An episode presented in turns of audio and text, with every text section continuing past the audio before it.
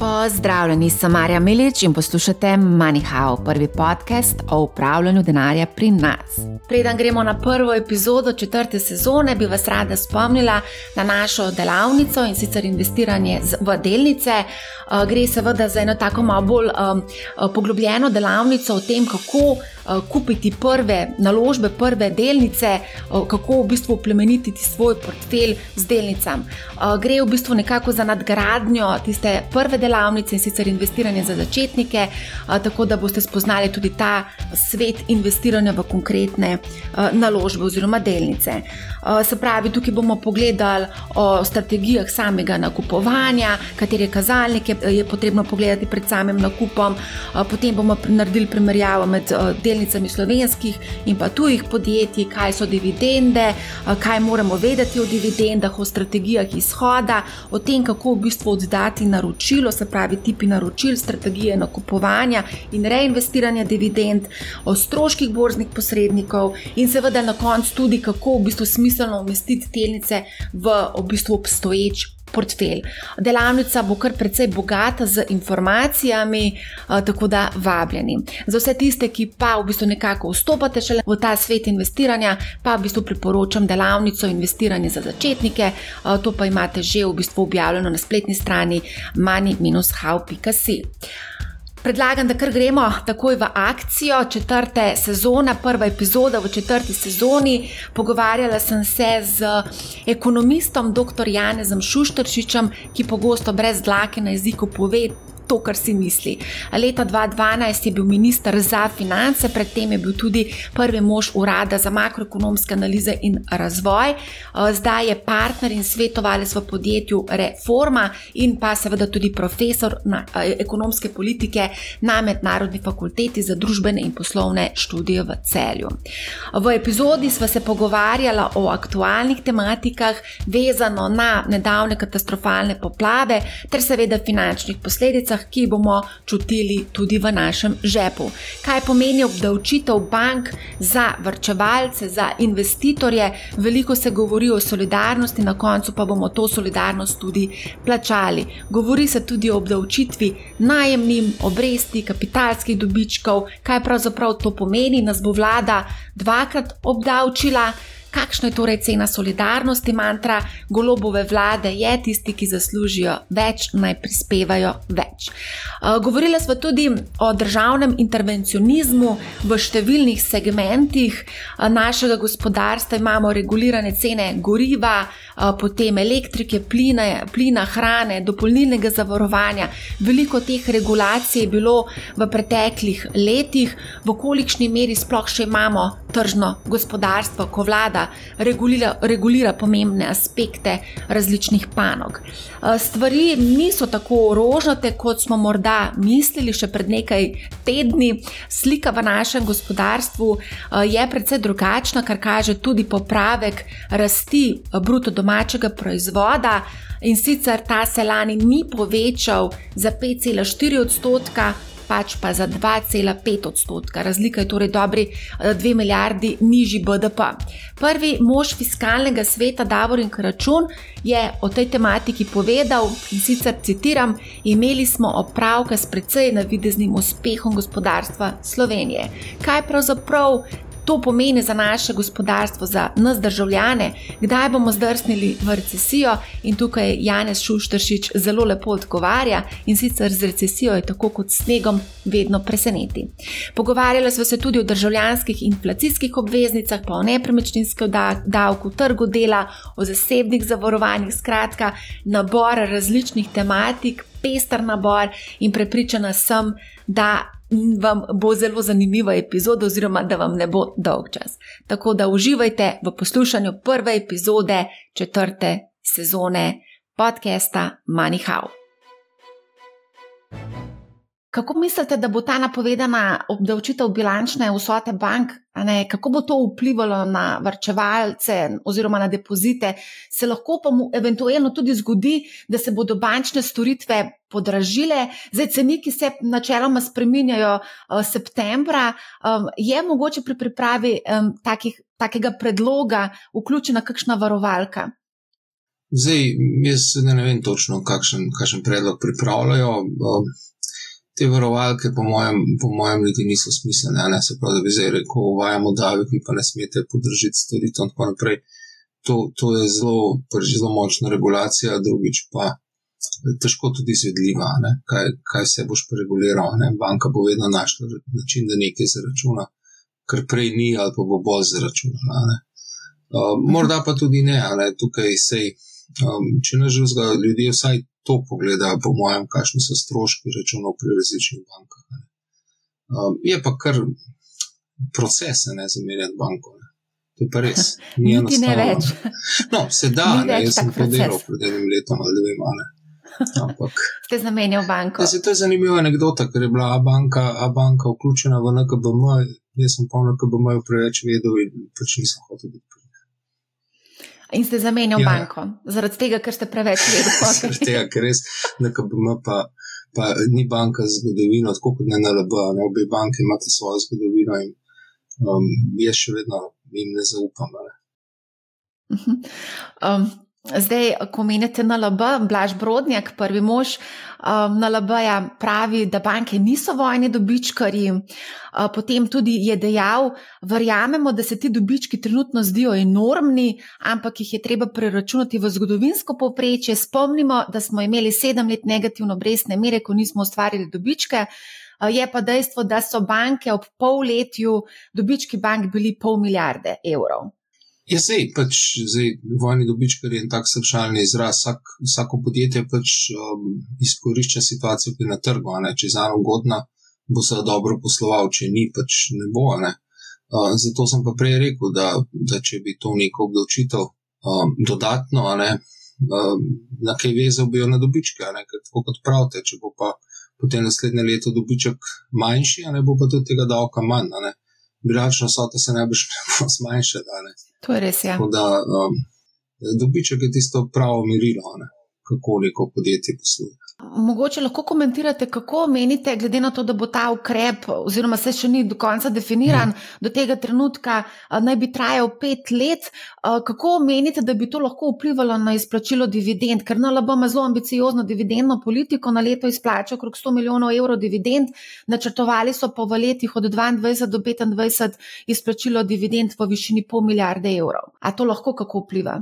Lahko, ker dividende so tisti del, kjer se v bistvu podjetje oziroma lastniki podjetja uh, najlažje prilagodijo. Um, sicer pri teh podjetjih, ki so delno v državni lasti, vključno z NLB, je vedno potem pritisk na visoke dividende tudi strani države, ker je to način financiranja proračuna. Ne? Ampak um, lahko se pri, to, to je ena stvar, kjer se lahko prilagodiš. To tudi pri tujih podjetjih smo videli v tej krizi, v prejšnji krizi, da, da so se dividende zniževale ali pa se kakšno leto niso niti izplačale, zato da je denar ostal v podjetju. To, to se lahko zgodi, ni pa to, se mi zdi nekaj, kar bi nas morali pretirano skrbeti. Že, ampak vlagatelji, delničari, ne, pa eh, tudi razmišljajo o teh zadevah. Recimo, zdaj smo tudi videli, eh, ko je bil najavljen ta ukrep, je delnica NLB kar precej v bistvu upadla, eh, recimo samo včeraj za 2,5%. To v bistvu na vlagatelje, se pravi poslušalce Manjha, v bistvu kar precej zanima, ker sem tudi zvedla, da številni mali vlagatelji tudi pač, bom rekla temu, kako imajo vstopajo na trg, investirajo preko nekih tujih brokerjev, prav v delnico NLB. -ja. Ampak mislim, vprašanje je tudi, zakaj investiraš v neko delnico. Ne? Če investiraš v neko delnico zato, da jo boš čez dve leti prodal z nekim dobičkom, potem te takšne stvari skrbijo. Ne? Če investiraš bolj dolgoročno, pa kot oblika vrčevanja, mislim, da bodo te dividende še vedno više od obrestnih mer, če bi dal ta denar tej isti banki, na mesto, da si kupil delnico. Ampak um, pač uh, te cene se da nihajo, ampak hkrati je pa pade cen tudi priložnost za kakšne druge vlagatelje, da pa te delnice kupijo. To je res, ja. Mogoče bi se tukaj dotaknila še, pač pogosto smo zdaj slišali v zadnjih dneh oziroma mesecu, um, kar nekako mantro golobove vlade, tisti, ki zaslužijo več, naj prispevajo več. Je to edina pot? Je, to, je, to je običajno načelo davčnih sistemov, ne, ki v osnovi ni problematično. Ne. Problematično je vprašanje, uh, koliko več. Ne. Problematično je vprašanje, um, kaj pomeni, da ima nekdo več. Ne? Govorimo samo o plačah, govorimo o premoženju, o čem v bistvu govorimo. Ne? Pa koliko več mi imamo nek, pri dohodnini, nek davčni sistem, kjer recimo se ti dohodek poveča za dvakrat, recimo v davčno obveznosti, ti bo pa za več kot desetkrat. Ne? To je najbrž pretirano. Ne? Veste, tudi če bi vsi plačevali uh, dohodnino po isti stopni, bi še vedno tisti, ki dvakrat več zasluži, plačal dvakrat več dohodnine. Prav, tudi če bi imeli enotno davčno stopno, pa eno samo, ne, bi še vedno tisti, ki, ki imajo več, uh, pa zaslužijo več, plačali več. Ne. Tako da ta mantra je logična, je pa se pa uporablja, seveda, um, ali pa se pa uporabljajo, ja, vedno takrat, ko se želi neke davke povišati. Mar se do se tukaj tudi vpraša, kakšna je cena solidarnosti, te solidarnosti, ker konec koncev tisti, ki več zaslužijo, več uplačujejo pokojninski, uh, pokojninski sistem, več uplačujejo za zdravstvo, za zdravstveno blagajno, več, več, več. No, um, seveda, plačujejo recimo zdravstvo več, upravičeni so pa do enakih storitev kot vsi ostali, pri pokojninah je pa še slabše, ne plačujejo več, pa je pokojnina na zgor omojena, se pravi, dejansko um, ljudje osebno od tega nič nimajo, da plačujejo več. Um, zdaj, um, solidarnost, če temu tako rečemo, ima, ima nekaj meje. Ne? Ker um, ljudje pač enostavno morajo morajo vedeti, da je to smiselno. Tle mislim, da je sedaj ta solidarnostni prispevek za poplave, ne to, kar je zdaj predlagano.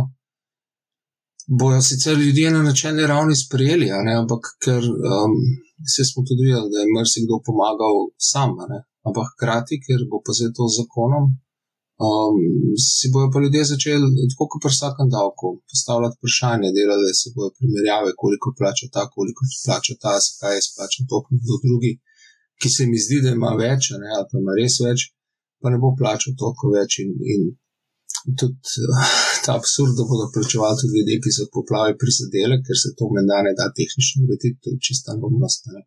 Vsako stvar se da tehnično urediti, če jo želiš, pa, pa znaš. Ne. Če pa ne znaš, je treba pa direktorja Fursa zamenjati. Za začetek. Ne. Če pa minister ne zna tega naročiti, treba ministra zamenjati. To, to je absurd. Veste, zdaj, Predstavljajte si, ne? da imate neko osebo, ki gre v poplavo, uničila hišo in zdaj mu rečeš, ja, odplačati bomo to prevzel um, za poplave. Zdaj mu ti razloži, da je to zato, ker na fursu tega ne znajo urediti. Mislim, po mojem, gre ta človek na furs in jim poplavi kleta.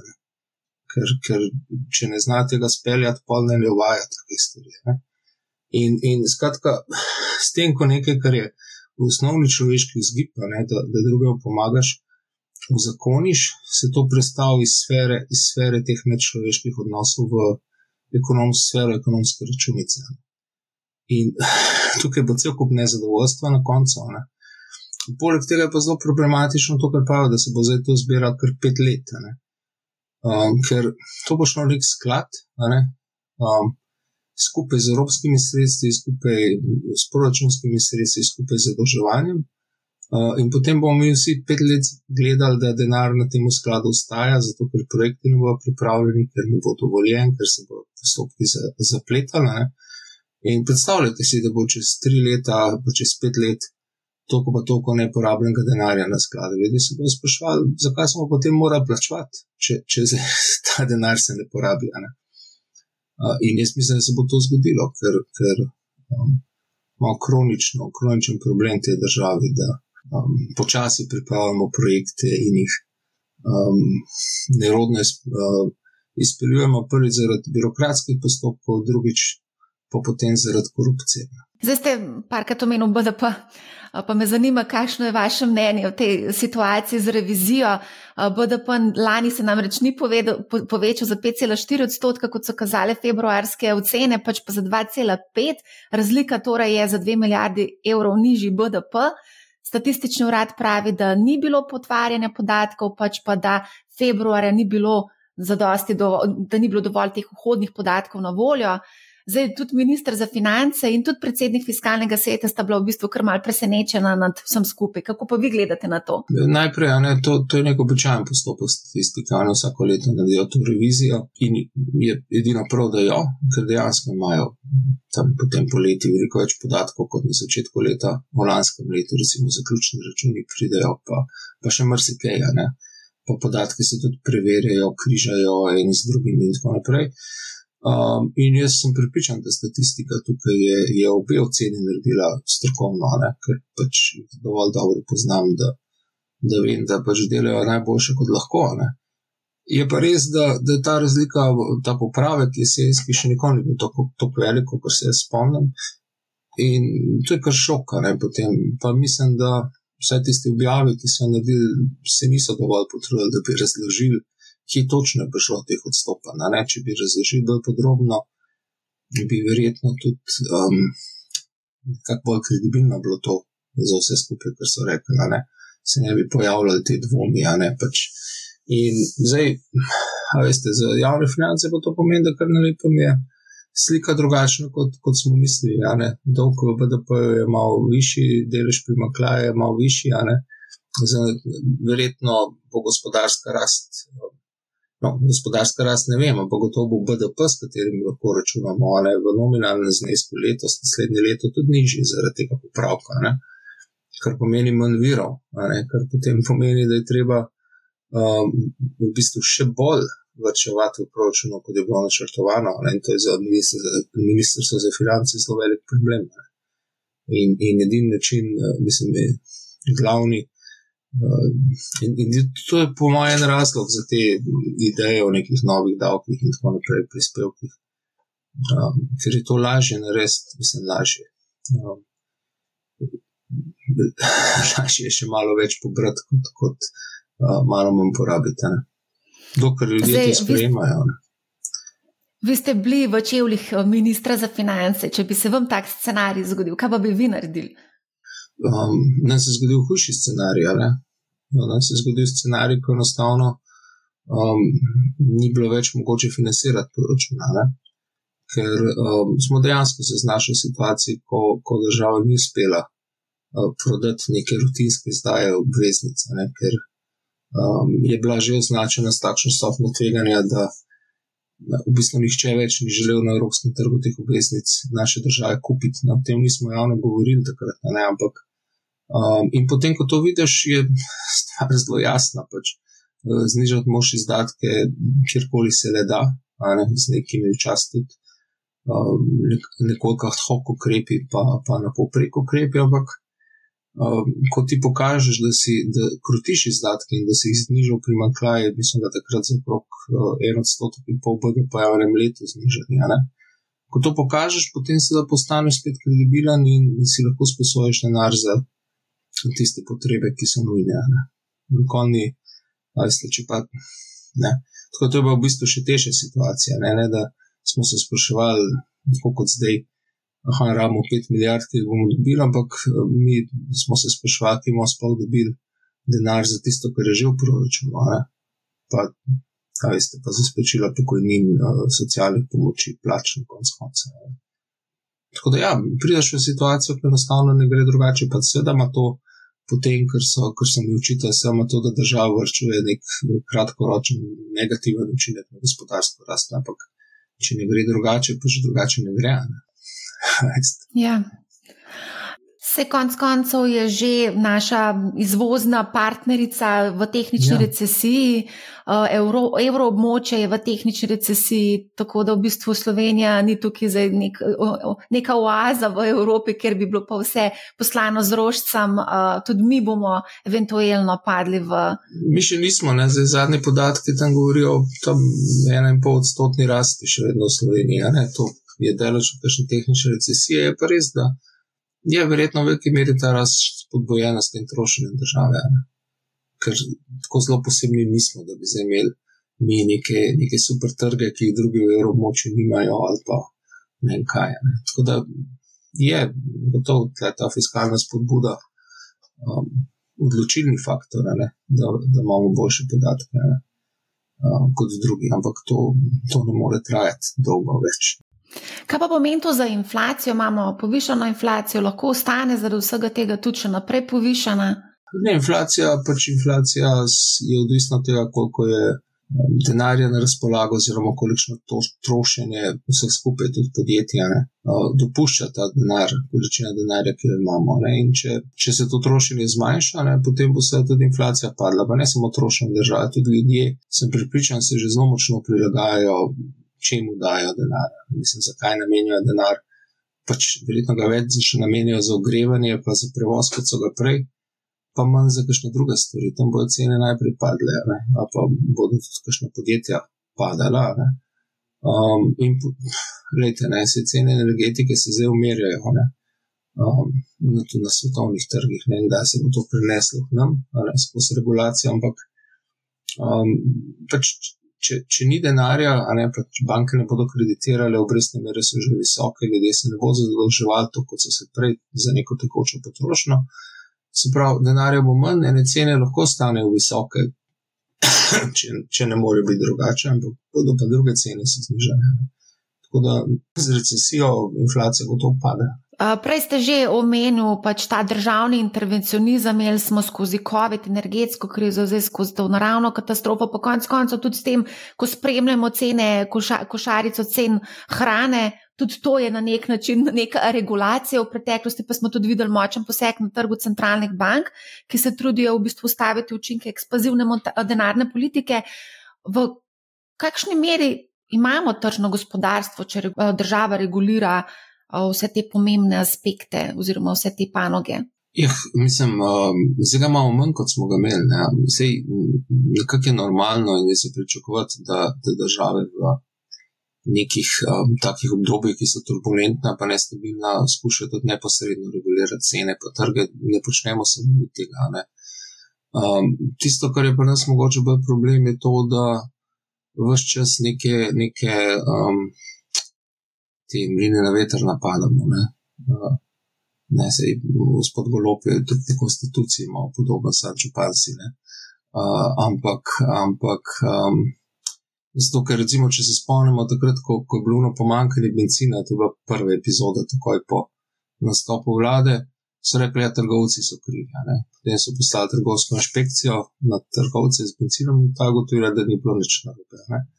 Potem so zdaj rekli, da trgovci so krivi za hrano, ker imajo visoke marže in tako naprej. Se je skazalo, da so se jim marže v bistvu znižale.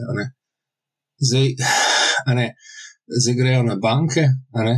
Um, skratka, skozi se borijo z nekom, ki ne bi bil kriv za to, da cene rastejo, pa ima ogromno denarja. Edin, edin, edin sektor, ki ga pustijo v primeru z tega vidika, da, da mu ne jemljajo denarja, pa da ga ne krivijo za situacijo, v bistvu energetski sektor. Ne kar je logično, ker premijo tam prihaja. Um, tako da to je problem, se pravi, da imamo neke ukrepe, logično je tudi po svoje, da, da imamo neke ad hoc ukrepe v takšni situaciji, ampak vsi so kot predstavljeni kot nek, nek spopad z nekimi zlobneži, za katere se potem izkaže, da, da v resnici niso tako veliki zlobneži, kot se govorijo. Um, prej ste tudi omenjali, um, da, da ste imeli težave, ko ste bili minister z izdajanjem obveznic. Slovenska država je ravno te dni izdala prvo obveznico indeksirano na inflacijo v višini 100 milijonov evrov z realnim kuponom 0,825 odstotka in zapade leta 2034. Hkrati pa je bila v bistvu so zahedžali oziroma sklenjena bila obrestna zamenjava za namenom uravnavanja obrestnega tveganja iz naslova inflacije in sicer po fiksni obrestni meri 3,5 odstotka. Zdaj na ministrstvu so rekli, da želijo v bistvu s tem inštrumentom malo razpršiti oziroma povečati raznovrstnost financiranja državnega proračuna. Imeli smo v preteklosti zelene obveznice, navadne obveznice, zdaj imamo inflacijsko obveznico, napovedana pa tudi državljanska obveznica, če lahko temu, temu tako rečem. Ja, gledajte, jaz um, mislim, da je zakladnica naša dela zelo v redu, zelo profesionalno. Mogoče nekatere države, recimo Avstrija, imajo zelo zakladnico izločeno z ministrstva za finance kot posebno inštitucijo, zato oni res lahko strokovno upravljajo z dolgom in da uh, vse to, kar ste rekli, je, je smiselno. Um, zdaj, ne. Um, tisto, kar jaz, jaz mogoče pogrešam, je res malo bolj aktivno te državljanske obveznice. O tem se pri nas že, že veliko krat uh, govorilo. Mislim, da točno zdaj, tole je izjemna prilika. Ne? Če bi ta sklad, oziroma sit banka, bi to morala narediti, če sklad pri njej izdal obveznice posebej za ta sklad, pa dal na to 30-stotno obrestno mero, tako kot jo država plačuje, ali pa sicer. Um, potem mislim, da bi ljudje z veseljem en del svojih prihrankov z bank tja prenesli in um, potem A veste, tudi bi ta problem, da so obresti na bankah nizke, s tem malo rešila. Ne videli smo v preteklosti, tudi ko je šla na KBM, takrat, ko so zdaj delnice, ne, da, da so ljudje navalili v, v nakupe teh delnic. Ne pač niso vedeli, kaj je na KBM. Ne. Ampak to, to je njihov problem, če niso vedeli, kaj je bil na KBM takrat. Ne. Um, veste, na tako banko ne daš denarja, kot je to bilo. Ne. Ampak um, pač je ta želja v ljudeh, ne, da, da neko približno varno naložbo in, in državne obveznice bi to bile. Ne? In če bi to naredili, ne bi rabili nobenega solidarnostnega prispevka, pa nič, ker bi se tam nabral. Je res, da bi bilo to posojilo, ki ga na koncu treba vrniti, ampak država vedno lahko potem ponudi neke druge obveznice. To, kar sicer počne tudi s tujimi dužniki, ne nekateri ljudje bi ta denar želeli nazaj, mogoče bi obveznico še prej prodali na borzi, nekateri bi pa pač prenesel denar v nekaj drugega ali pa nek drug inštrument države, da bi novi ljudje prišli. Tako da um, o tem se velikokrat že govorilo o nekih državljanskih obveznicah, se da morajo biti nominirane ne, v, v mehkih zneskih. Ker to, kar država sicer izdaja svoje obveznice na našem trgu, to so zelo visoki zneski, ki jih potem banke ali pa institucionalni investitorji lahko plačajo. Ne. Ampak o tem se veliko govori in zdaj se mi zdi, da je idealna priložnost za nekaj takšnega. Ne? Veliko bolj kot za uvajati prispevke in tako naprej. Ja, na Hrvaškem, tudi v Severni Makedoniji so izdali to državljansko obveznico, to je bil velik, velik hit, pa Belgija, Španija, ljudje so dobesedno stali pred centralno banko. Ampak Slovenci smo že stali v vrsti, to, kar ste prej omenjali na KBM. Mislim pa, da tukaj je en problem, da je v bistvu Poprečen slovenc finančno neizobražen. Ne?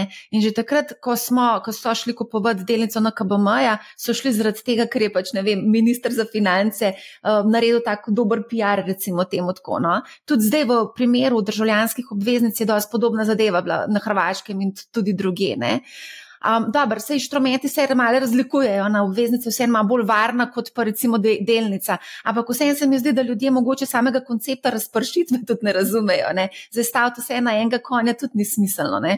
in pametno. Ja, no, ampak um, mislim, ta koncept razpršitve vsem pomeni, da imaš večino denarja v nečem, kar je, kar je varno. Ne? In bančne vloge so varne, vsaj do 100 tisoč evrov. Um, tako da jaz to razumem, da je večina denarja mogoče v bankah. Je pa res, da se da točno to, kar ste rekli, to razumevanje, eh, kaj nek inštrument pomeni, eh, ne, pomeni ker eh, delnica banke, tudi če je državna ena stvar, lahko gre gor, lahko gre dol, držati nič, pa banka držati nič ne zagotavlja glede tega. Ne. Medtem ko državna obveznica je pa nekaj drugega. Ne. Država pa verjetno naša vendarle ne bo bankrotirala na ta način, da ne bi mogla teh obveznosti poravnavati, tistih obresti pa potem izplačila. Ja, načeloma je res tako. Ja. Načeloma jaz mislim, da, da, da to pa še znamo finančno prava država. Ne? Ne, ne, to, to definitivno, ampak pa imamo pa na drugi strani samo v bistvu postopek nakupa te obveznice, na procedura nakupa, kje kupiti, kako kupiti, kje odpreti trgovalni račun, kakšni so stroški, pogosto so stroški potem tudi zanemarjeni. In tudi vse to vpliva. Tako da tle imamo kar veliko stvari. Je pa še ena zadeva, ki mi je bila zelo zanimiva.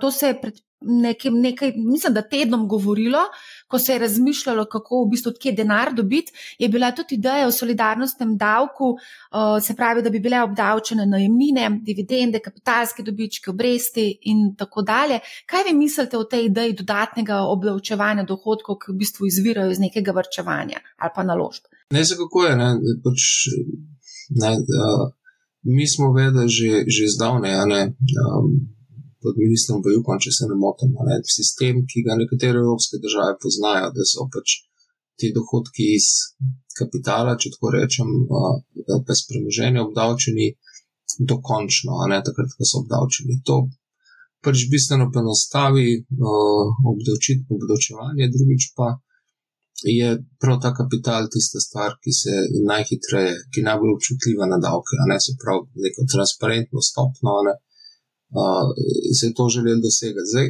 kar se tiče prispevkov, je pa tako, ne. Um, mene, mene predvsem moti, da so še vedno tle stopnje različne. Recimo na, uh, ne, na, na, za najemnine je ena stopna, za dividende je druga stopna, uh, a ne pri obrestih. Uh, bistvu jih moš imeti tisoč evrov, da sploh kaj plačeš, obresti, ne vloge, ne, to je ogromno, ne, eno, eno stotni stopni obresti se lahko sečuvate, koliko je to denarja, ne. Um, to bi morali poenotiti, ne. Zdaj, uvajati prispevke na to je pa, se mi zdi problematično, zato ker um, je to vendarle dohodek iz, iz nečesa, kar je že bo obdavčeno, ne. Se pravi, ti, če kupuješ delnice, jih kupuješ iz svojega neto dohodka, ne um, pa potem dobiš dividende. Če, če um, vem, imaš vlogo v banki, pa dobiš obresti, je to tudi bilo iz tvojega neto dohodka. Ne? Se pravi, da si davek že plačal, preden je tvoj denar ostal na banki, ali pa preden si kupil ne, državno obveznico, preden si dobil neko dividendo. Ne? To se pravi, je to na nek način dvojno obdavčevanje potem tega istega dohodka, od katerega si že enkrat plačal prispevke. Zdaj, na nek način kaznujemo s tem ljudi, ne, ali pa odvračamo ljudi od tega, da bi svoj denar nekam naložili in skušali s tem, kar jim ostane kot prihrankov, uh, gospodariti. Ali ste mrzli, da bo rekel, ja, država mi sporoča, da ne ta denar raje porabi, da ne gre na počitnice, kot da vrčujemo. In Glejte, ne, v državi, kot jo imamo, to niti ni tako zelo problematično, ker če vaš svoj denar zapraviš, bo država poskrbela za te in to ne slabo. Bo res država poskrbela za te na stara leta, se vidimo, kakšne so pokojnine. Pa za zdravstvo, no, koliko stane 10 tisoč evrov in več. Ne vem, ampak. Kdo mi ga bo plačal? ja, vem, sem, to, je, to je mentaliteta, se vem, pri nas. Ne? Pač, no, ne? Zato pa, zato pa ne, veliko preveč razmišljamo o tem, ne? Država mora povišati penzije, država mora eh, vse zdravstvene storitve plačati in tako naprej. Um, plačevali davko ne bi, a ne, vrčevali sami ne bi, to se ne izide, a ne. Ampak eh, je točno to, a ne, to mora dati država, ne, to je, to je ta mentaliteta. Ja, to je ta mentaliteta. Ampak se mi zdi, da se z mlajšo generacijo to malo spremenja. Zdaj, ko se pa z mladimi pogovarjam, nekako pokojnina je sicer za njih zelo oddaljen cilj, ampak nekako ne računajo tukaj prav preveč na to državno pokojnino. Ki, ja, sem to pomeni, da, da moš imeti vsaj eno obdobje življenja dovolj visoke dohodke, da, da lahko privrčuješ. Vse, kar pa nam konec koncev preostane, glede na demografijo, ki je zelo, zelo neugodna. Ja. Slovenija se stara, Evropa se stara. Nič drugega nam, nam ne, ne preostane, ne? ker, ker se ji. Um, vsi pokojninski sistemi, ki so bile reforme, so šle v, v to smer, ne, da ljudje več sami vrčujejo, pa se to potem davčno spodbuja ali pa z nekimi doplačili države. Smisel, da dolgoročno bo, bo ta državni sistem zagotavljal mogoče neko minimalno penzijo. Ne. Sam pri nas je šlo premalo v to smer. Mislim, mi smo sicer vsako, vsako reformo pokojninske zakonodaje omogočali neko zasebno vrč, mislim, individualno um, vrčevanje ali pa kolektivno v nekih pokojninskih skladih. Ne? Ampak um, se to premalo spodbuja, premalo se o tem govori, uh, tudi mogoče še malo preveč regulirano. Ne? Tako da in, in ljudje še vedno pričakujejo glavno penzijo države. Ne? Je pa to predvsem, kot ste rekli, za mlajšo generacijo. Ne? Ker če začneš vrčevati v nekem skladu deset let pred penzijo, prav veliko se ne bo nabralo. Vse so tudi druge oblike, redna zavarovanja življenjske in tako naprej. Ne? Ker jih pa tudi treba dobro preštudirati, če ne te to zelo ja, udar po žepu. Ja, zato ker pri, pri teh državnih, mislim, teh pokojninskih skladih, ki imajo državno um, to potrditev, ne, je vsaj zajamčena donosnost. Ne ni pa, ni pa kot pravi zajamčene penzije. Dobar, če sklad propade, lahko preneseš drugam. Zajamčeni donosi trenutno so izredno, izredno nizki, ja, tako da v bistvu s tem ustvarjamo v bistvu izgubo in to konkretno. Ja, vem. Ja. Mogoče se lahko. Nekaj, nekaj let je bilo zelo dobro, ja, ampak uh, ja, povejte. Ja, imamo ups in downs. Ja, ja, ja vse logično. Um, Mogoče bi sam še to vas vprašala, zdaj, ko govorimo o premoženju, o nepremičninah. Aha. Zdaj, nepremičninski davek, to se že zelo dolg časa vleče. Mislim, da več kot 20 let, če nobeni vladi to ni uspelo uh, sprejeti ta davek. Golop je pa tudi v bistvu relativno hitro obupal na to idejo in je povedal, da v prvem mandatu uh, tega, da nepremičnine ne bodo obdačili. Mogoče pa tudi zdaj zaradi poplav ta davek niti ne bi bil prav preveč na mestu, glede na to, da je pa v Sloveniji bila pod vodo. Ne? Problem nepremičninskega davka je prvič, da se obnašamo, kot da ga nimamo. Mi imamo cel kup obdavčitev nepremičnine. Ne? Um, imamo na USZ, ki ni nažalost kot um, neke vrste obdavčitev nepremičnin. Imamo um, davek od prometa z nepremičnine, imamo tisti davek od dohodkov občanov, kjer se plačuje davek na druge nepremičnine, ki jih nekdo ima, pa na nepremičnine, v katerih ne živijo družinski člani imamo um, še, še druge dejatve, ne? tudi na občinski ravni, ki jih občine lahko predpišejo, pa jih v glavnem ne. Ampak pa za spremembo namennosti zemljišča imamo tudi neke dejatve. Ne? Uh, tako da mi imamo cel kup nepremičninskih davkov, ne govorite o tem, da niso obdavčene nepremičnine, uh, je nesmisel, potem je pa seveda uh, nihče v resnici. Razen mogoče bil en predlog zakona, enkrat, ki pada na stano sodišče, zakon, ki pada na stano sodišče. Ampak nišče v bistvu še ni prišlo dlje od tega, da zna povedati, da so, da so ne, da premoženje ali pa nepremičnine, kot rečejo, premalo obdavčeno, da mora biti progresivno, da mora biti pravično in tako naprej. Uh, ampak zelo neke operativne, konkretne ideje pa. Nihče v teh 20 letih um, predstavlja vse ne takšne, ki bi bila smiselna. Ne. Jaz tudi sam imam z obdavčenjem nepremičnin ta isti problem, kot sem prej rekel. Ne, s tem obdavčuješ vrčevanje iz dohodka, ki je že bil obdavčen, ne, ali pa nalaganje uporabo dohodka. Ne, zakaj, če, če vlagam svoje prihranke ali pa se zadolžim za to, da zgradim družinsko hišo, ne, bo to obdavčeno, če pa ne, kupam za družino Mercedes, pa ne bo. Ne. Um, Poli božno, ne, se z Mercedesi vozimo, pa živimo v mehkih stanovanjih. Da, in, in jaz mislim, da če bi šli urejati ta sistem, ki ga imamo, ne, um, in, in ga spremeniti nekaj drugega, bi, bi glavno vodilo moralo biti, ne komu lahko poberemo, pa koliko več lahko poberemo, ampak je uh, glavno vodilo moralo biti, kaj želimo s tem davkom doseči. A želimo, ne vem da bodo uh, prazne nepremičnine, pa ne uporabljene, a ne šle v oddajo, želimo oddajanje spodbujati. To recimo bi bil en uredu cilj. A, a želimo spodbujati, da ljudje za majhen denar prodajo stare hiše, ker bodo plačali davksice. Kaj želimo, ne? kaj se bo spremenilo v našem ljudi, kaj želimo s tem doseči kot nek davek, ki um, vpliva na obnašanje ljudi, podjetij, investitorjev in tako naprej. Ampak do zdaj, do zdaj vedno se na ta da ogleda samo kot na nek dodaten vir. Ne? Uh -huh. um, mogoče bi tukaj sam še komentirala dopolnilno zdravstveno ja. zavarovanje. Ne? Zdaj pač se obeta ukinitev tega zavarovanja. Moj kolega, sodelavec, je zelo jezen zaradi tega, ker je pač ta, ta um, dopolnilno zavarovanje bilo doslej prostovoljno, zdaj bo pa to obvezno in to njemu ni všeč. Kako gledate recimo na to, da zdaj bo to nekaj obveznega spet? Mislim, to je po um, svoje rado absurden sistem, ker, ker je bil prostovoljno, bilo pa de facto obvezno. Ne? Se pravi, um, zneski, ki bi jih lahko plačeval, um, je, je, če ne bi imel tega zavarovanja, so pri kakšni koli resnejši potrebi po zdravnikih, ali pa po zdravstveni skrbi, ogromni.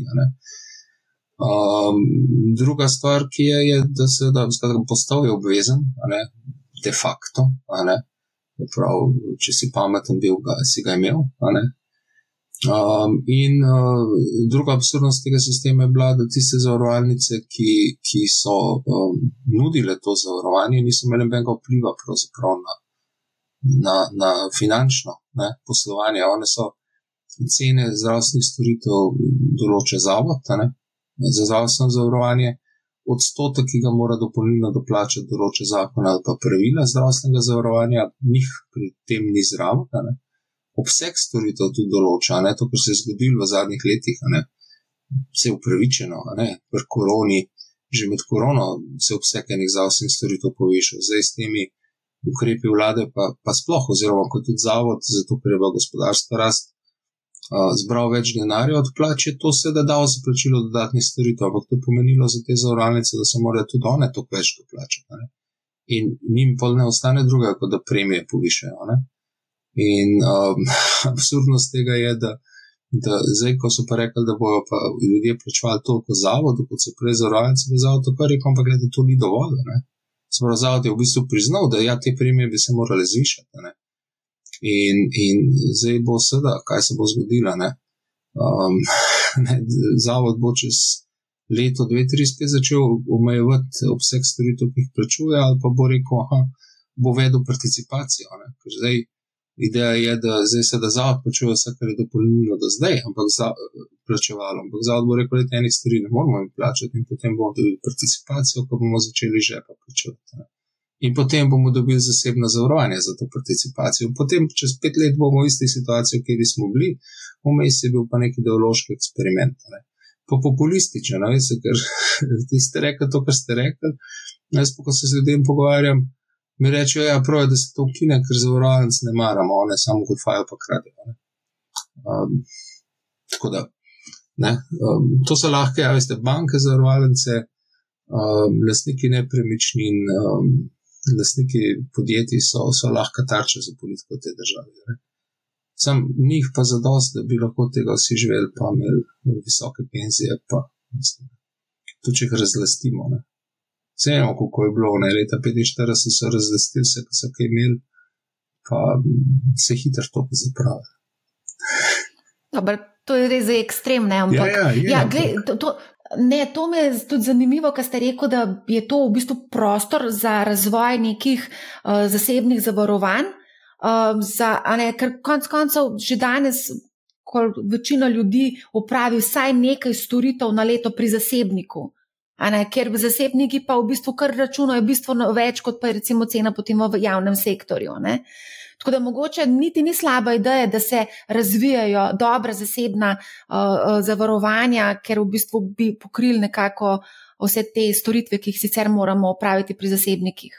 In zasebnik zaračuna um, za tisto, za kar ima koncesijo, ravno toliko kot zaračuna javni zavod. Zaračuna zavod za zdravstveno zavarovanje. Tam, kjer je pa zasebno, pač naredim storitev, ti jo plačaš, um, tam so pa sedaj, je pa prosti trg za te cene. Je pa vprašanje, ali ste, sej smo imeli tudi primer v UKC-u, da, da oni tudi seveda delajo storitve za trg, recimo za Makedonce, pa jih znajo pošteno zračunati. Problem tega problem je, da, da mi s tem, ko ukinjamo dopolnilno zavarovanje, mečemo ta denar v nek sistem, ki je finančno izjemno slabo upravljen. Ker, ker ni osnov, veste, kako se upravlja nek sistem, ki obrne 4-5 milijard na leto. Ne. Recimo, da bilo to neko veliko podjetje. Ne. Popolnoma drugače bi bilo upravljeno, nobenega letnega plana ne bi delali na ravni, koliko storitev bo upravljala, kakšne izpostava. Postavili bi stroškovna merila, postavili bi kontrole, in reagirali na to. Ne? Ko bi videli, da nekje um, finančno slabo poslujejo, nekam. Neki podružnice, da ne rečem, profitni center tega podjetja, postavili tudi jasne rezultate, kaj, kaj so cilji, kaj treba zagotoviti s tem denarjem. In tega ni, in dokler, dokler tega ni, je, je vsako dodajanje denarja v ta sistem, državni, zdravstveni, v bistvu zguba. Zato bi mogoče se moral razviti usporedno zasebni uh, sektor, malo bolj. Težave so bile z, z bolnišnico zasebno, so se uh, prav na vseh nivojih razburili glede tega. Ja, se, to se dogaja, se to se dogaja zadnjih uh, 20 let, ne, da se ta zasebni sektor sporedno kar dobro razvijal. Uh, Moram reči, veliko krat tudi um, z izčrpavanjem javnega. Uh, to vsi vemo, teh primerov je bilo veliko, ne, ki so tudi nekateri neetični bili. Ne. Uh, ampak um, zato je tudi to prišlo na slab glas. Veste, če, če, če greš do polnega zdravnika v javni sektor in te pošle popolne vse po zasebno ordinacijo, kar je veliko ljudi doživel, uh, se ti zdi čudno, ne? Mislim,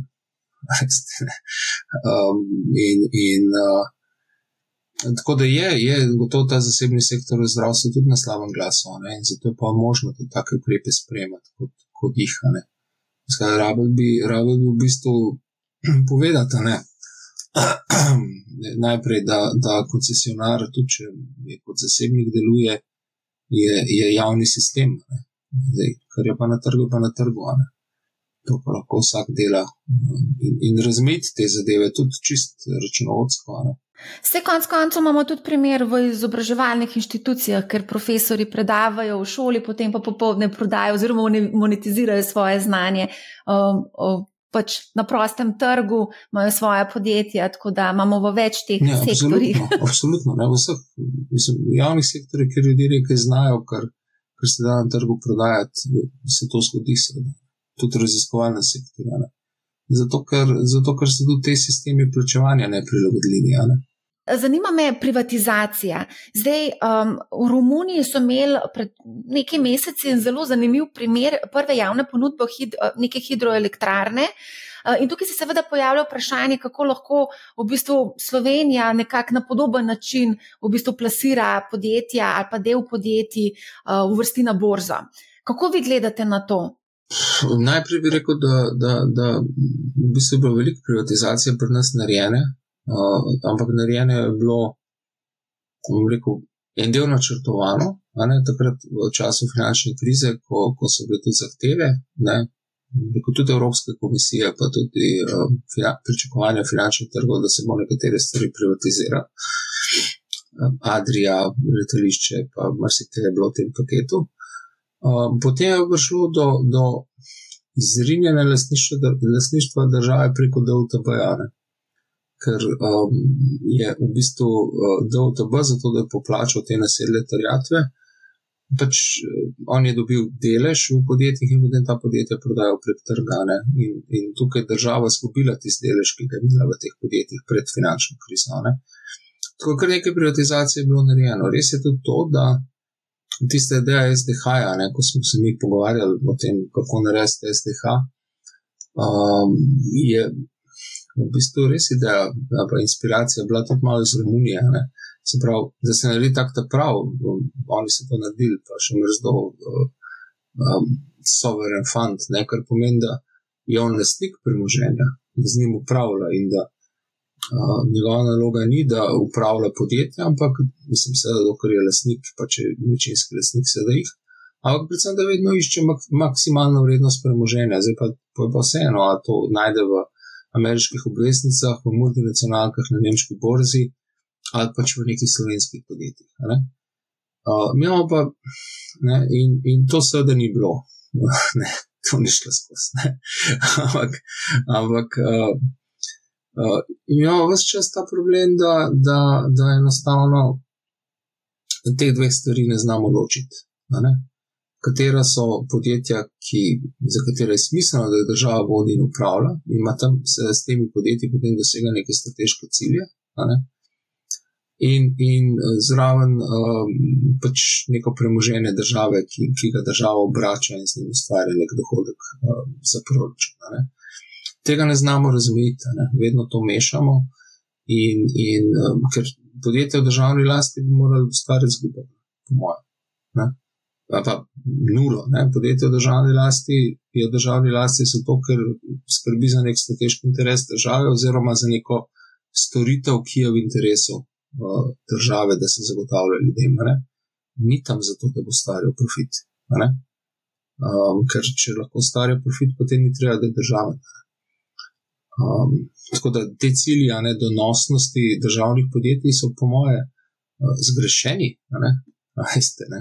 Poleg tega, veliko teh podjetij ima prevladujoč položaj na trgu, ne, pa dostop do tega, da vpliva na regulacijo in predpise. Um, tako da tukaj bi bilo treba čisto drugače razmišljati, ne, kot se razmišlja. Kar se pa tiče uvrščanja na borzo, jaz ne vem, kaj se da z Ljubljansko borzo v resnici narediti. Ker um, um, mislim, da veliko državnih podjetij je že tudi na borzi, Telekom je še enkrat na borzo, na LB na KBM, še v času, ko so bili državni ali pa poldržavni petroli, tudi na borzi. Ne. Tukaj ni več velika, ne. Slovenija je pač mehna ekonomija. Um, Veliko velik slovenskih podjetij ne bo na borzi. Ne? Ker eh, ostalo so ja. pa manjše podjetja, ki imajo pač neko strukturo lastnikov, eh, ki upravljajo ta podjetja. Ne? Ali se, če ste vi aktivni lastnik ne? Podjetja, potem okay, lahko date 30 odstotkov na borzo, ne?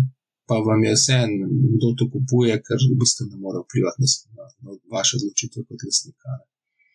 Ampak več ali manj so to um, tako zaprti sistemi, ja, pa se potem lastniški deleži prodajajo. Tako da mislim, da tako, kakšne velike prihodnosti jaz ne vidim za, za, za Ljubljansko borzo, da bi zelo veliko več slovenskih podjetij lahko tam kotiralo. Um, je se bila pripravljena strategija razvoja trga kapitala, tako da bomo videli, bomo kaj bodo iz ja. tega naredili. Je pa res, da se je nekaj meseci nazaj zgodil delisting oziroma umik z borze Datalab, se je umaknil slovenske borze, tako da razlog za umik, menda da tudi med drugim so bili stroški in pač vse skupaj. Ja. Uh, ni bila neka prijetna izkušnja, no, tako kot sem jaz razumela. Logično, mehna borza, veste, so pa stroški višji. Mislim, veste, poslopje mora biti tako lepo, kot vse druge borze na svetu. Pa, uh, ne, pa tudi storitve morajo upravljati, pa skrbeti, ne pa informacijske sisteme imeti. Tako da so pa fiksni stroški večji, ne? pač, ki treba pokriti s temi stroški. Um, a se lahko mogoče še za konec dotaknemo malo trga dela? Na začetku ste omenili, da imamo rekordno nizko brezposelnost. Eh, po drugi strani imamo rekordno, kar visoko obremenitev dela, eh, plače. Eh, Slovenija zaradi tega pač je v nekako konkurenčno podrejenem položaju, glede na države, s katerimi se merimo. Ja, gotovo. Ne, spoh, um, mislim, da, da vedno huje to, se mi zdi, no, zaradi tega, ker. ker um, Včasih smo rekli, da to velja, predvsem, da, da nastane problem, predvsem takrat, ko želiš neke tuje inženirje zaposliti ali nekaj uh, neke, neke dobre kadre obdržati, da ne bo šli tuji na dan, se pa v bistvu uh, vsak, ki konča šolo, ne, kjerkoli, ne, že razmišlja, da bi šel nekam v Evropo iskati službo, da bi jo iskal pri nas in potem si začne računati, da ja, tam ima tako plačo. Stroški niso, mislim, stroški so bistveno višji kot Sloveniji v kakšnih metropolah, ne, evropskih. Ne. Um, ampak, če pa, če pa ni tvoja želja, da boš živel v glavnem mestu ali pa v velem mestu, pa verjetno lahko s podobnimi stroški, sploh če si mlad, ne prideš skozi kot pri nas. Um, zaslužiš pa najbrž več, obdavčen si najbrž manj, ne si to si videl pri teh delavcih, ki so v Avstriji, se vozijo vsak dan. Ne? Zakaj oni pri nas dopuščajo dohodnino? Zato, ker njihov, je njihov dohodek tam manj obdavčen, kot bi bil pri nas. In, in um, tako da tukaj smo nekonkurenčni, prav gotovo. Ne? ampak tudi do svojih ljudi, ne konkurenčni in, in jih spodbujamo, da, da odidejo. Jaz vidim, da včasih so ljudje šli za pol leta nekaj ven delati ali pa na kakšno študijsko izobraževanje, pa so šli. Ne. Danes pa vsak prej vpraša, ja, kako se pa lahko za pol leta pol izpišem iz našega davčnega sistema. Uh, in to veliko pove. Zdaj, osnovni problem pa bo moj v tem, da pač Uh, mi moramo imeti visoke davke na, na plače, zato ker so plače nizke. Veste, Avstrijci lahko isto plačo obdavčijo manj kot jo mi, zato ker je to pri njih veliko do, ljudi dobiva tako plačo, pa nas jo pa ne. Razumete, stroški države so pa, mi bi pa zdravstvo tako kot Avstrijci, ceste tako kot Avstrijci, vse bi imeli tako kot Avstrijci. In, in osnovni problem je to, da treba bo, bo več zaslužiti, da bojo plače više. Zdaj, trenutno se dogaja na trgu ravno zaradi tega, ker ni veliko delavcev, ne, mesarsko klanje absolutno, in se absolutno, ponuja ja. dobesedno plače, take, ki so na dolgi rok neuzdržne. Jaz vedno pravim, plače je fiksni strošek podjetja, ne, to pač je treba plačevati ja, ne, vsak ja. mesec. Ne. In zdaj, zdaj če plače tako s tako hitrostjo rastejo, če ne, zna biti to potem problem, ko bomo zapadli v neko recesijo. Zdaj beremo iz Banke Slovenije, ravno danes objavila, da se gospodarstvo ohlaja, da so že te kazalniki kažejo na ohlajanje. Da... Zdaj, podobna, podobna situacija je bila takoj po stopu v EU Slovenija. Ne? Takrat je tudi bila zelo visoka gospodarska rast mislim, ne, ne še evro, ampak ta sprostitev trga, ok, fiksacija tečaja, potem evro. ogromen investicijski boom. Takrat je bilo podobno, ne? ljudje so se, uh, mislim, podjetja so se teple za delavce. Ne? In, in ljudje, ki so kaj znali, so lahko kar, kar dobro plačo si izgovorili. Zdaj, v tej situaciji, ki je zdaj pri nas, je, je vse malo pomaga inflacija ne? podjetjem. Ampak to se bo končalo, ta inflacija se bo končala ne? z recesijo. In, Ne, če se bojo plače znižale, to se ponovadi ne, se pa lahko začne odpuščanje.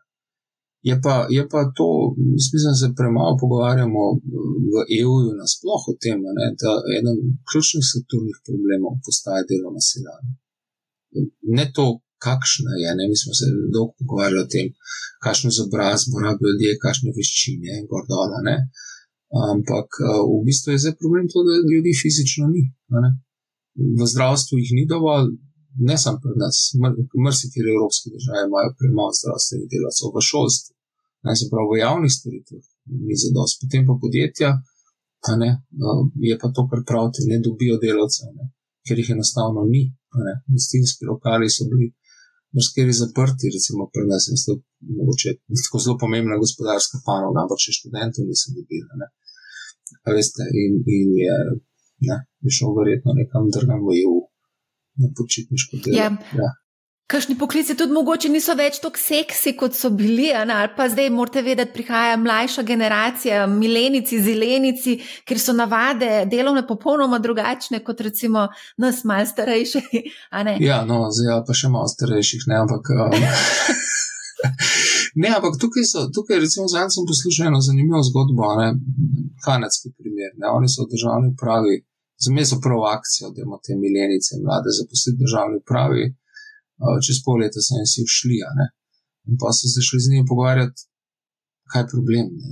Zdaj imate plačo, vse v redu, oni so rekli, da jaz ne morem priti vsak dan v službo, pa da mi pa tam nek tečen šef vsak dan razloži, tole pa tole može delati, pa jaz niti ne vem zakaj in tako naprej. Uh, in, in potem so naredili v bistvu nek task force iz teh ljudi, ki so rekli, da imamo vas tam, ne, bili so IT-ovci, verjetno še mrske. Ko bo nek, nek projekt, ki ga bomo rabili, da ga speljete, tja vas bomo angažirali. Imate projekt, speljete, naredite in tako naprej. In pa to fajn funkcionira. Ne? Se pravi, imamo celo to razmišljanje spremeniti. In tisto, kar, kar je prvo moramo spremeniti, razmišljanje, to, kar ste rekli o poklicih in izobraževanju za poklice. Ne? ker to danes, um, mislim, rejte, so poklici, ki zahtevajo uh, zelo, velik, zelo velik specialnih znanj.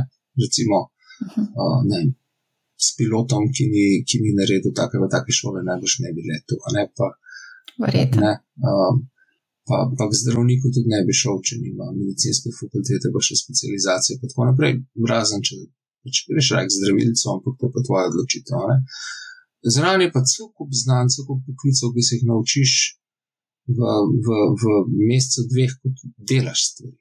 In, in v bistvu se od podjetij pričakuje, da bodo danes zaposlovalci pričakuje, da bodo ta del izobraževanja upravljali. In, in ljudje se za nekaj izobrazijo, danes mogoče niti se ne izobrazijo do, do fakultetne ravni, ker se jim ni treba, ne začnejo nekaj delati potem se pa sproti v življenju naučijo, kar rabijo, glede na karierne priložnosti, ki se jim ponudijo, ali pa glede na pač svoje preference, ki se spremenjajo. Ne? Mi pa še vedno imamo v glavah, se mi zdi to predstavo, veste, da nekje se zaposliš, ko, ko končaš faks in potem si tam v službi do konca življenja. Ne? Veste, ne? Mislim, da to ni več, da velja več za mlajše. Ne, ne, in oni se, oni se tudi mogoče ne sekirajo toliko, kot ste rekli, glede sociale, glede penzije, ok, imajo pomoč staršev, o penziji ne razmišljajo, o zdravstvu ne razmišljajo, ker, ker so glavno zdravi. Ne? Pač ne, moš biti tako zavran, da greš lahko z obarjo. Kar je malo kratkovidno, ampak po, po drugi strani pa to pomeni, da to, da oni upravljajo neka projektna dela, priložnostna dela, da jih je veliko SP-jev ali pa podjetnikov. Mislim, da večina teh mladih to ne dojema kot problem da je to, da je to uh, v bistvu izbira. Imamo pa politiko, ki, ki vse to vidi kot prekarnost, pa bi to kinjala, pa obremenjevala s dodatnimi davki in tako naprej. Skratka, ta generacija, pa ne, da jih tako dobro poznamo, mislim, da um, čist drugače razmišlja o svetu ne, in, in o svoji karieri, kot, kot so nas učili, pa kot smo mi. Tem je treba pol tudi te sisteme na trgu dela, pa, pa socialne, pa tako naprej prilagoditi. Ne?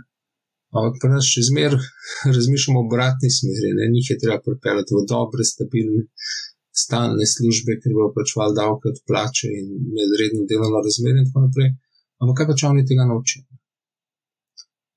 Če, ne, če bi oni to, uh, veste, razumeli kot, kot, kot izgubo svoje življenje, da bi morali vsak dan biti v službi, pa tam 8 ur delati. Ja, jaz mislim, da to za nekatere predstavlja resen, resen izziv. Ja, 8 ur biti v službi na delovnem mestu. Mogoče je krivec za to tudi korona, ker smo se mal navadili biti doma in smo videli, da tudi od doma lahko delamo. Zato se tudi zdaj nekako razmišlja o štiri dnevnem, del, ne tedenskem delovniku. Tako da tudi ta je ena, ena pa imamo easy Monday, pa ne vem kakšen Friday, a veste te variante, ja, ja, ja. tega imamo full zdaj. Ali lahko mogoče, zdaj ja. ste večkrat se pogovarjali o recesiji, kdaj pa bo prišla ta famozna recesija, uh, dolgo napovedovana, že kdaj vi pričakujete, da bo udarila v Sloveniji? No, prej kot bi si mislil. Nas bo presenetilo. ne, mislim, jaz, ne vem, jaz ne vem, kdaj, ampak recesija je tako, kot sneg, vedno te preseneča. Cestne službe vedno sneg preseneti in, in ekonomiste, in sploh pa vlade, pa recesija vedno preseneča. Vsi pri prejšnji, pri prejšnji tisti veliki leta, leta 8, ne, je bilo isto. Ne. Veste, recimo, če si bral poročila IMF ali kogarkoli, ne, teh mednarodnih analiz, vsi so govorili, da tole, kar se dogaja, ne more zdržati. Pa so rekli, so balončki tam, tam, gor dol. Zdaj, kdaj bo to počel, je pa, pa kot globok bo, bo zadeva potem padla, je pa v bistvu ne mogoče uh, točno napovedati. Ne tudi zato, ker ne veš, ukrepi se že kaj na trgu zgodili, lahko še dolgo traja. Ne? Neko padanje v recesijo lahko se pa zgodi zelo hitro. Rabiš dva, tri dogodke. Mi smo kar nekaj teh nenavadnih dogodkov v zadnjih dveh, treh letih, vojna, ne, a, potem korona, zdaj te nore poplave in tako dalje. Tudi te obrestne mere evropskih centralnih bank, oziroma sama monetarna politika je bila v zadnjem desetletju tudi malo bizarna, ampak v redu, nenavadna. No. Um, a lahko mogoče poveva za konec samo še to, mislim, dve vprašanje imam in sicer. Uh, to me zdaj prešinil, ker ste razlagali vse to, uh, komu pravzaprav koristi finančno nepismen državljan. Uh, sicer se nekaj govori, da se bo spremenil kurikulum, da bo se začelo finančno pismenjevanje že v osnovni šoli, ampak vsem ne. Bo treba kar nekaj časa za to, da se bo finančno opismenila Slovenija. Ja, jaz mislim, da koristi vsem, razen tistim, ki, ki bi mu želeli prodati kakšne res um, sofisticirane finančne storitve. Pač, veste, um, finančno pismo državljan ima prihranke v banki, čeprav ne dobijo obresti, ne, ker jih ne zna prenesti uh, v neko drugo banko prek interneta v tujino. Ne. Uh, finančno nepismen državljan si ne zna sečunati, koliko davkov zares plačuje, ne, ker jih plačuje spotoma, v glavnem se mu trgajo in tako naprej. Ne itd. itd. Ne, se pravi, korist vsem, ki, ki, ki imajo kaj od tega, da on denar neracionalno porablja ali pa nalaga.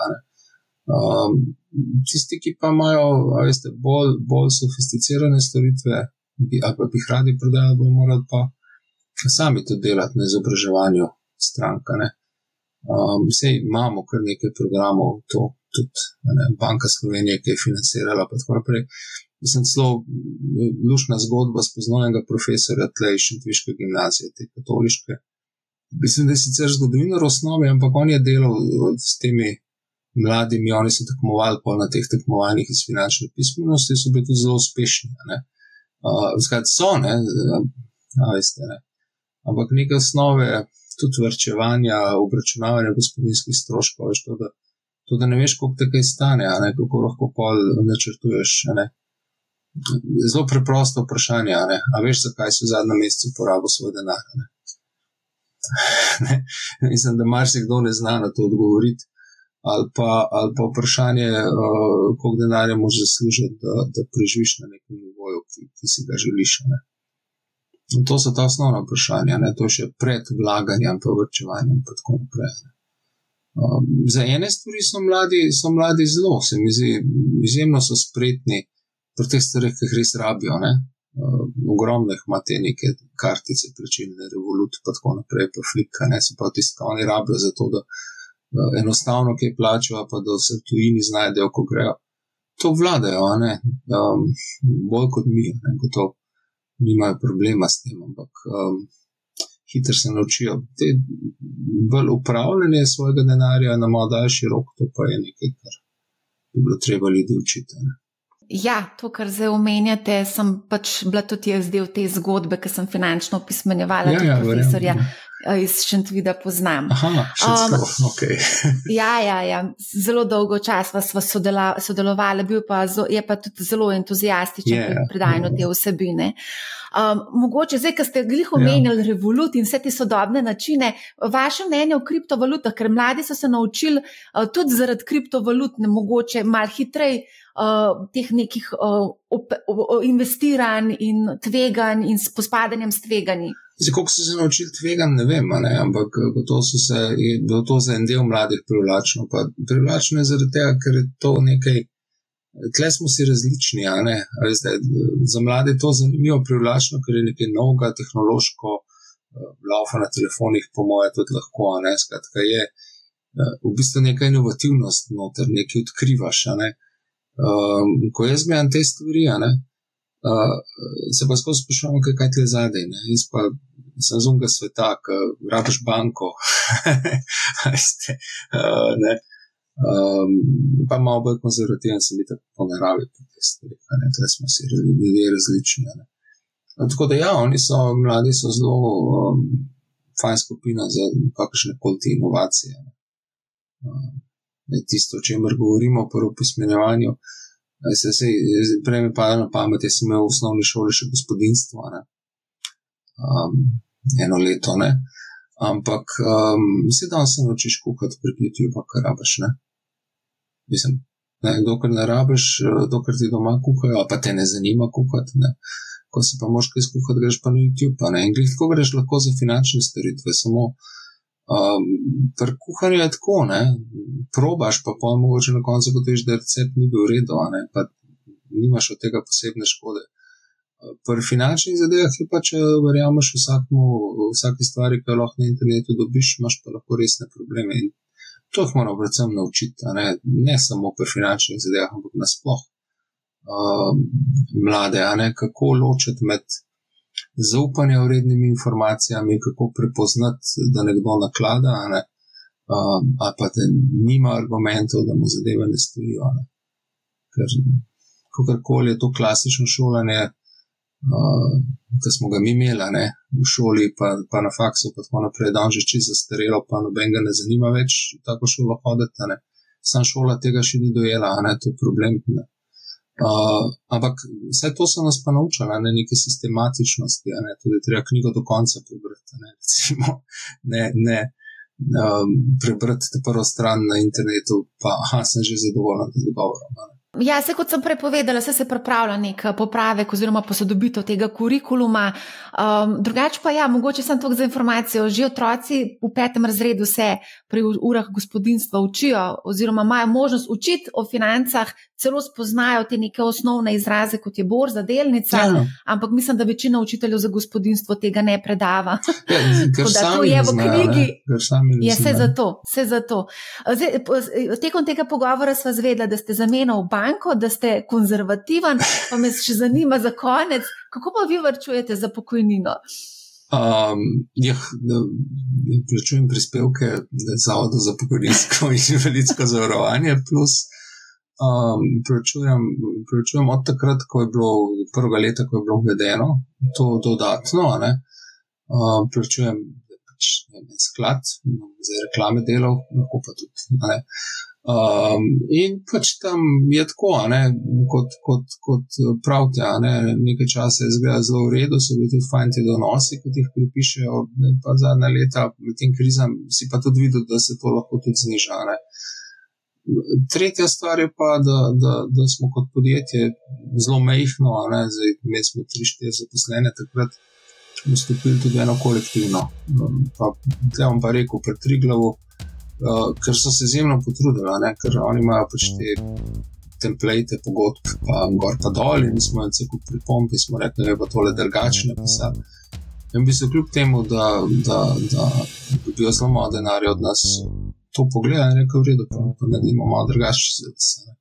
Tako da, ja, se da, ne, se da, samo ukvarjati se. Se treba ukvarjati s tem, res je. Ja. Najlepša hvala za pogovor, mislim, da smo imeli kar tako zanimivo debato. Tako uh, zanimiva debata z dr. Janes Šuštršičem. Sem prepričana, da je marsikdo zastrigel z ušesi, medtem ko je poslušal to debato. Um, ja, povejte svoje mnenje, pišite mi na marja, na mani-how.si, vabljeni seveda tudi na naš Discord, mislim, da nas je zdaj okrog 2500 že na našem Discordu ManiHow. Povezavo bom objavila v opisu epizode, tam seveda lahko komentirate bodi si epizode, postavljate vprašanja ali pa seveda tudi pišete v povezavi s prihajajočo delavnico, uh, se pravi konec, uh, konec septembra prihaja, 19. septembra pa bomo pripravili QA, ker bomo bomo z Matejem Šimlicem in Nadražen Grahkom odgovarjali na nekatera vaša vprašanja. Toliko za danes z moje strani. Poslušajte Manihau, ne bo vam žal in lep pozdrav!